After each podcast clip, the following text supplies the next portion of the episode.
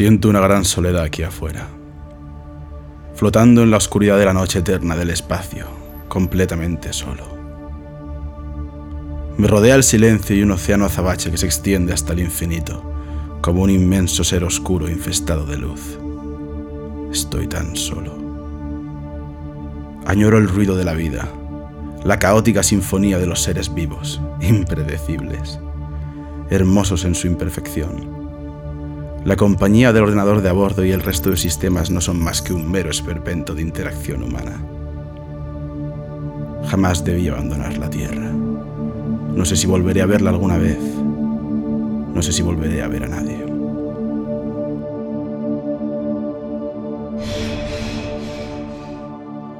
Termino las reparaciones del sistema de comunicaciones. He tenido que salir fuera de la nave para hacerlo, malgastando el escaso oxígeno que me queda pero si así consigo comunicarme con la Tierra habrá merecido la pena. Estamos en el año 2038. Mi nombre es Basil Petrov y soy un astronauta de la Tierra. Aunque ya hace mucho que me perdí en esta inmensidad negra y no sé bien en qué cuadrante me encuentro, daría lo que fuera por volver a ver esa canica azul en el espacio. La misión tenía como objetivo aterrizar con éxito en Ganímede, una luna cercana a Júpiter, pero hubo complicaciones. Chocamos contra algo y la nave sufrió grandes daños. El sistema de comunicaciones, los controles de dirección, el archivo central y una buena porción del casco de la nave echados a perder. Patrick murió durante el impacto. Sin comunicaciones pasamos meses estáticos en el espacio consumiendo las reservas. Por aquel entonces aún éramos dos, pero María, ella, bueno, sin el contenido del archivo central para entretenernos, sin más compañía que yo mismo, un día tras otro y otro y otro, no tuvo entereza suficiente. Ante la casi improbable forma de sobrevivir, su voluntad se torció y se suicidó hace dos semanas liberándose hacia lo profundo del espacio. Ahora tengo más alimento del que necesito, pero pasaría hambre por tener alguno de ellos aquí. Pese a todo, tengo esperanzas. He hecho cuanto he podido con el sistema de comunicaciones y he enviado un mensaje en todas direcciones. Si es que hay alguna forma de que puedan oírme desde aquí, claro.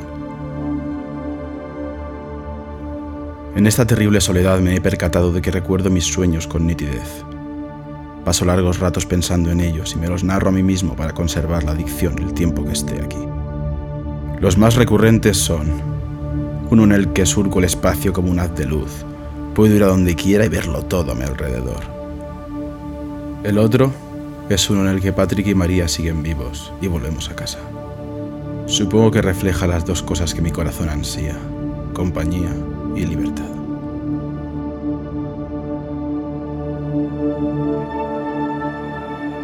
Cuando vivía en San Petersburgo sufría de insomnio. Eran raras las noches en las que dormía de un tirón. Aquí, dormir supone un peligroso placer en el que evadirse. Por amor de Dios, que alguien responda a mi mensaje. Necesito saber si alguien vendrá por mí o si debería seguir a María en su viaje al sueño profundo. ¿Qué le sucede a un alma tan lejos de casa?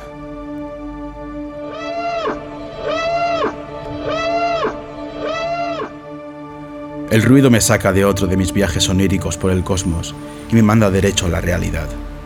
Compruebo lo que emite el dañado ordenador central los controles siguen inoperativos y el radar no muestra señal de que nave alguna nos esté remolcando.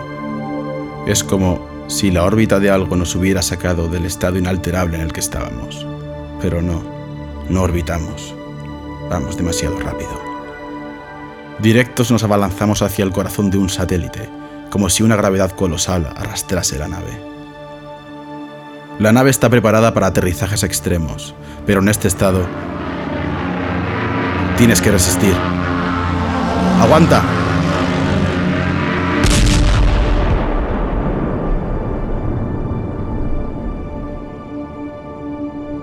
Puedo respirar. ¿Por qué puedo respirar? Abro los ojos. Tierra. De un color carmesí, pero parece tierra. No puedo hablar. No puedo moverme. Estoy destrozado. Me alejo unos centímetros del suelo Alguien me está levantando.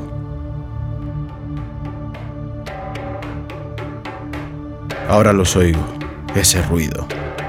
Un incesante sonar de tambores. Una rítmica constante que no cesa y se repite sin alteración.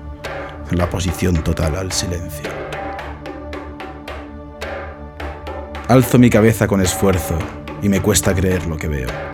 Su piel parece cubierta por una fina capa de pelo entre gris y azul. No caminan erguidos, pero se mueven ágiles. En sus extremidades emerge el hueso hacia afuera y se funde con la carne, confiriéndoles una protección natural. Aún no me han dicho nada, pero les temo. Sus rostros no reflejan bondad alguna. Tienen una gran mandíbula plagada de finos dientes y no tienen nariz, ojos u orejas. Solo la parte frontal del rostro cubierta por una gigantesca cuenca y en su interior lo que parece una membrana sensible. Delante de esta, una fila de hebras cogidas de arriba abajo cubren casi la totalidad de la cuenca.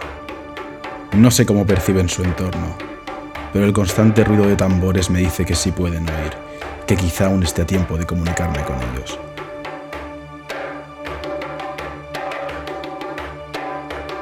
Y entonces lo veo. Una gigantesca roca pulida en formas curvas, un inmenso monolito lleno de muescas en lo que parece una extraña lengua. Pero no es eso lo que hace que mi esfínter falle y me orine encima. Es ella. Se diferencia de los demás por su boca llena de un fluido granate que, me temo, recuerda la sangre.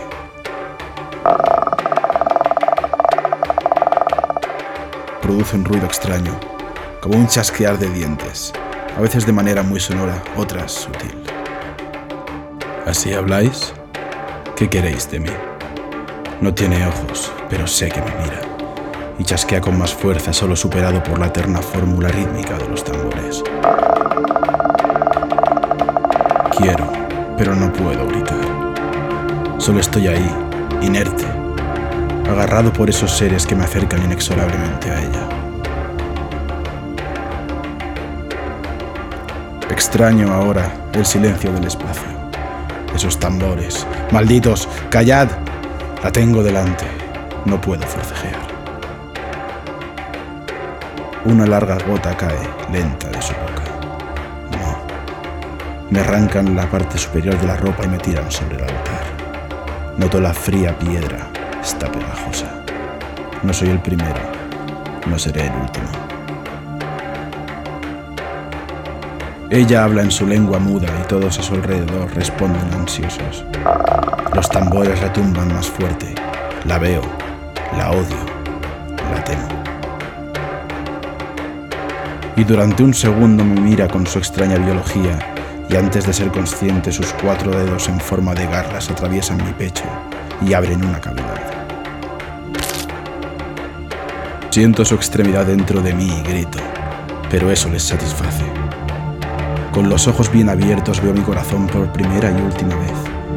Y esa imagen, grabada en mi retina, de ella devorando mi corazón y luego la oscuridad.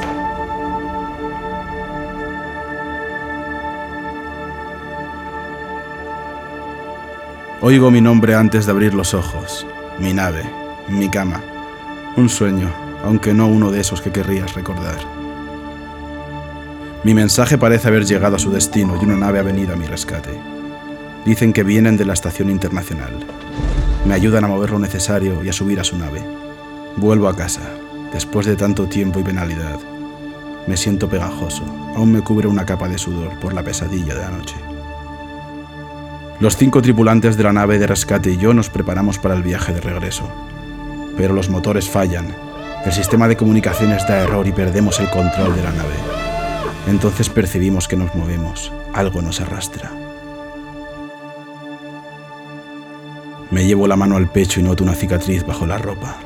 Escucho unos tambores y sé que ella me mira.